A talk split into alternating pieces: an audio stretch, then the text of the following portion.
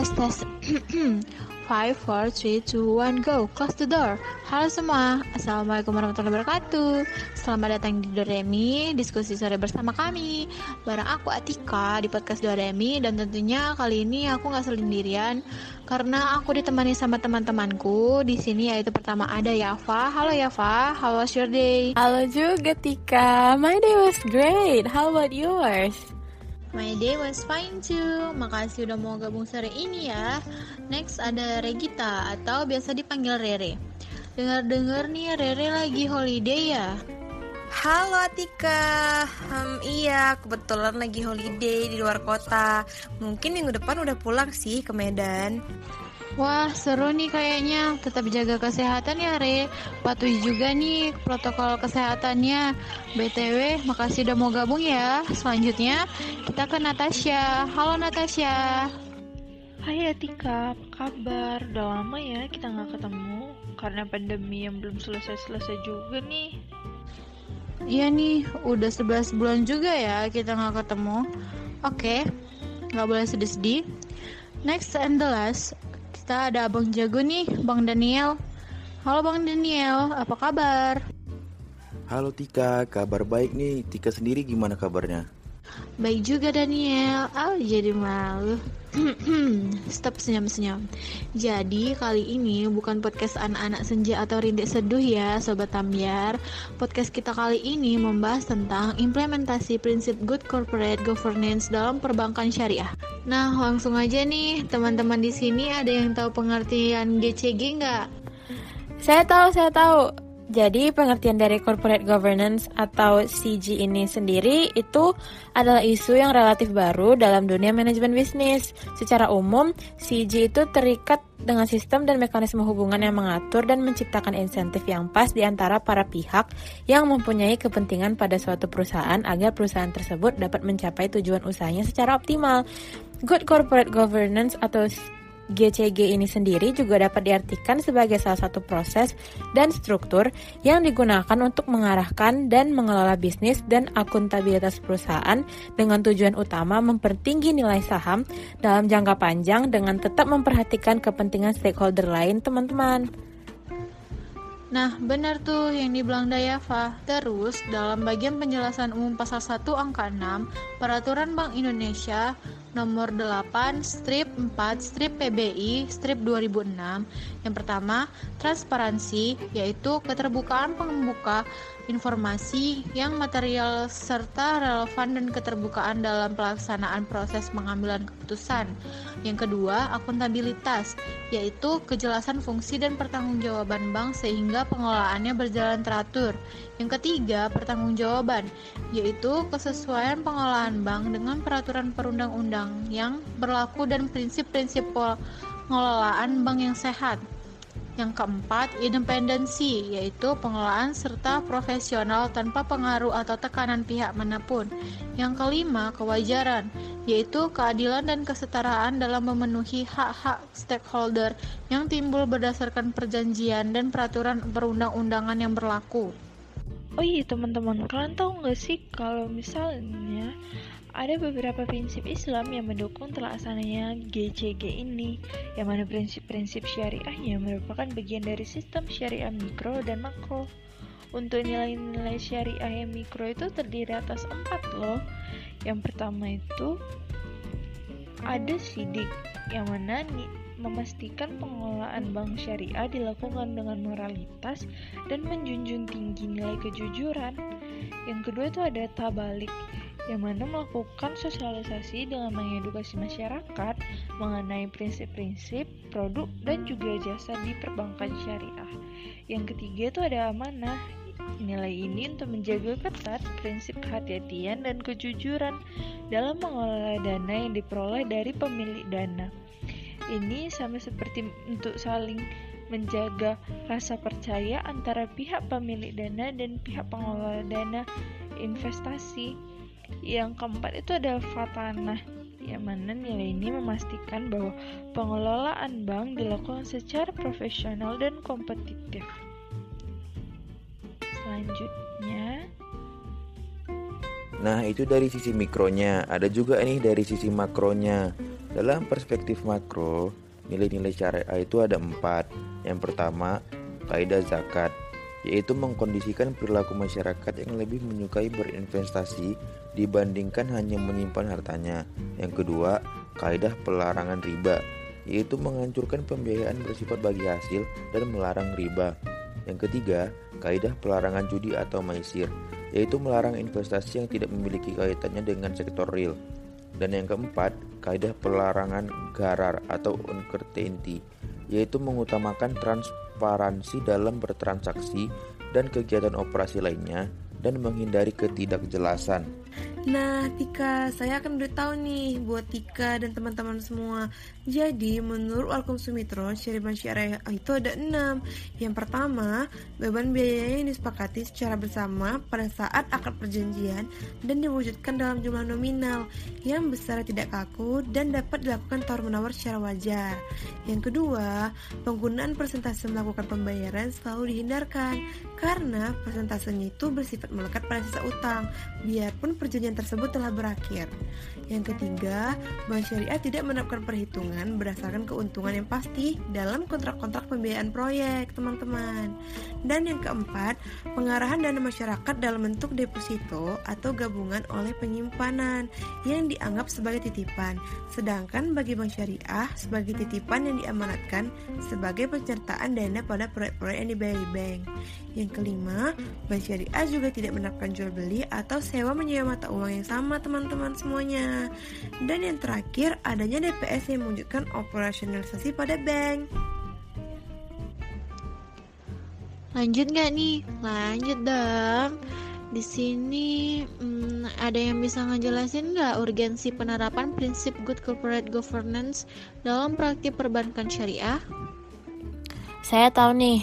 Jadi, Urgensi penerapan prinsip good corporate governance dalam praktik perbankan syariah ini, jika dilihat secara yuridis, bank syariah bertanggung jawab kepada banyak pihak atau stakeholder, yaitu nasabah, penabung, pemegang saham, investor obligasi, bank koresponden, regulator, pegawai perseroan, pemasuk serta masyarakat dan lingkungan sehingga penerapan GCG merupakan suatu kebutuhan bagi setiap bank syariah. Penerapan GCG adalah bukti pertanggungjawaban bank syariah bahwa bank syariah tersebut sudah dikelola dengan baik, profesional, serta hati-hati dengan berupaya meningkatkan nilai pemegang saham tanpa mengabaikan kepentingan stakeholders lainnya. Nah, ada empat kelompok stakeholders langsung, yaitu yang pertama pemegang saham atau pemilik utang yang disubordinasi, yang kedua deposan atau kreditor, yang ketiga manajemen, dan yang keempat adalah agen-agen asuransi atau badan-badan penyelia. Tapi ada banyak juga hal-hal yang sering dilakukan pemegang saham yang bertentangan dengan GCG. Kira-kira ada yang tahu nggak? Mungkin Atika tahu? Tahu-tahu, semoga menjawab ya.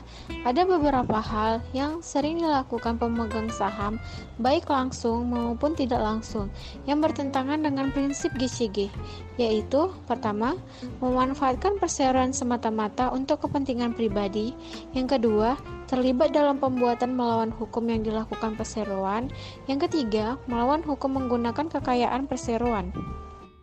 Teman-teman, kalian tahu nggak sih gimana pelaksanaan GCG di dalam perbankan syariah?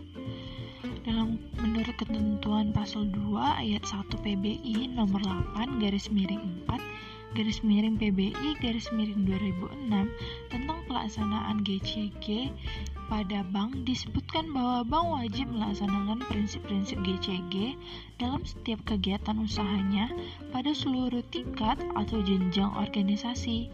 Prinsip-prinsip GCG ini juga paling tidak harus diwujudkan dalam beberapa poin. Yang pertama itu ada pelaksanaan tugas dan tanggung jawab Dewan Komisaris dan Direksi.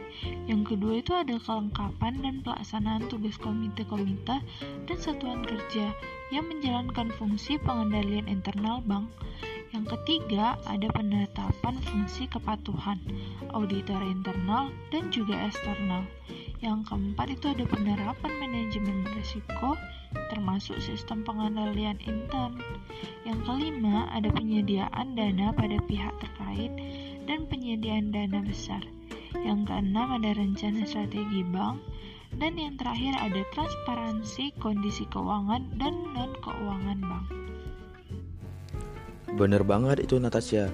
Tapi kalian tahu nggak, sebelum diundangkannya Peraturan Bank Indonesia atau PBI nomor 8 garis miring 4 garis miring PBI garis miring 2006 tentang pelaksanaan good corporate governance bagi bank umum ada beberapa prinsip GCG yang diharapkan diterapkan di dunia perbankan yaitu prinsip-prinsip sebagaimana yang diatur dalam PBI nomor 2 garis miring 27 garis miring PBI garis miring 2000 tentang bank umum antara lain sebagai berikut.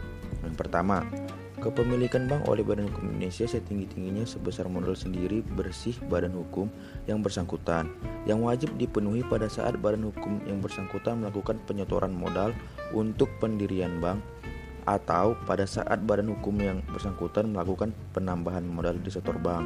Yang kedua, pemegang saham pengendali wajib memenuhi persyaratan bahwa yang bersangkutan bersedia mengatasi kesulitan permodalan dan likuiditas yang dihadapi bank dalam menjalankan kegiatan usahanya atau comfort letter. Yang ketiga, jika benturan kepentingan terjadi, anggota dewan, komisaris, anggota direksi, pejabat eksekutif, dan pemimpin kantor cabang dilarang mengambil tindakan yang merugikan bank. Dalam hal ini, termasuk mengurangi keuntungan bank dan wajib mengungkapkan benturan kepentingan dimaksud dalam setiap keputusan. Nah, ini ada lagi nih prinsip-prinsipnya, nggak cuma tiga. Mungkin kita tahu atau pernah baca atau searching tentang ini nggak? Tahu dong Daniel, dari yang pernah aku baca dan aku searching di internet sih masih ada beberapa prinsip lagi. Jadi aku lanjutin ya, tikaran teman-teman, prinsip-prinsip apa lagi. Nah, yang keempat itu adanya larangan merangkap jabatan bagi anggota dewan komisaris dan anggota direksi. Terus juga yang kelima itu mayoritas anggota direksi wajib berpengalaman dalam operasional bank sekurang-kurangnya lima tahun sebagai pejabat eksekutif pada bank dan dilarang saling memiliki hubungan keluarga. Nah, yang keenam, anggota direksi baik secara pribadi atau bersama-sama dilarang memiliki saham melebihi 25% dari modal disetor pada suatu perusahaan lain. Nah, yang ketujuh, anggota direksi dilarang memberikan kuasa hukum pada pihak lain yang bisa mengakibatkan pengalian tugas dan wewenang tanpa batas tuh, teman-teman. Nah, yang terakhir tuh ada pelanggaran atas ketentuan kewajiban menyampaikan comfort letter, benturan kepentingan, larangan perangkapan jabatan komisaris, dan larangan bagi direksi sebagaimana tersebut di atas. Bank dapat dikenakan sanksi administratif sesuai pasal 52 Undang-Undang Nomor 7 Tahun 1992 tentang perbankan sebagaimana telah diubah dengan Undang-Undang Nomor 10 Tahun 1998. Nah, itu saja sih prinsip-prinsip yang aku tahu. Makasih semua teman-teman penjelasannya. Kayaknya ada yang kurang. Ada lagi nggak nih yang mau menjelaskan tentang GCG? Contoh kasus dong, contoh kasus. Ada yang pernah baca artikel tentang ini nggak? Hmm, contoh kasus ya menarik juga nih karena setiap perusahaan kan pastinya memiliki kendala dalam menjalankan tujuannya contohnya seperti Bank BRI Syariah Malang nih dalam implementasian GCG-nya atau biasa kita kenal dengan tata kelola perusahaan, Bank BRI Syariah Cabang Malang juga memiliki kendala loh.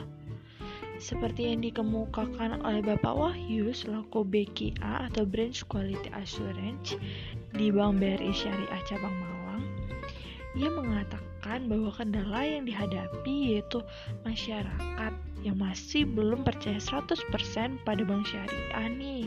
Karena masih banyaknya masyarakat yang beranggapan bahwa bank konvensional dan bank syariah itu sama aja. Padahal kan pada kenyataannya berbeda terbalik. Bahkan akad maupun bagi hasilnya itu juga sudah berbeda kan? Jadi kalau masalahnya begitu solusinya gimana dong? Aku pernah baca sih tentang kasus ini.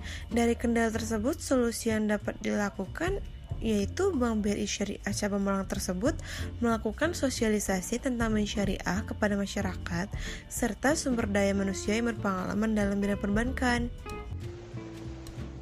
Wah, seru nih kalau dibahas lebih lanjut. Gimana kalau kapan-kapan kita bahas lagi? Ngomong-ngomong, makasih ya teman-teman udah meluangkan waktunya. Saya Atika Putri Tasya, cabut undur diri. Wassalamualaikum warahmatullahi wabarakatuh teman-teman. Stay safe and stay healthy. 5, 4, 3, 2, 1. Close the door.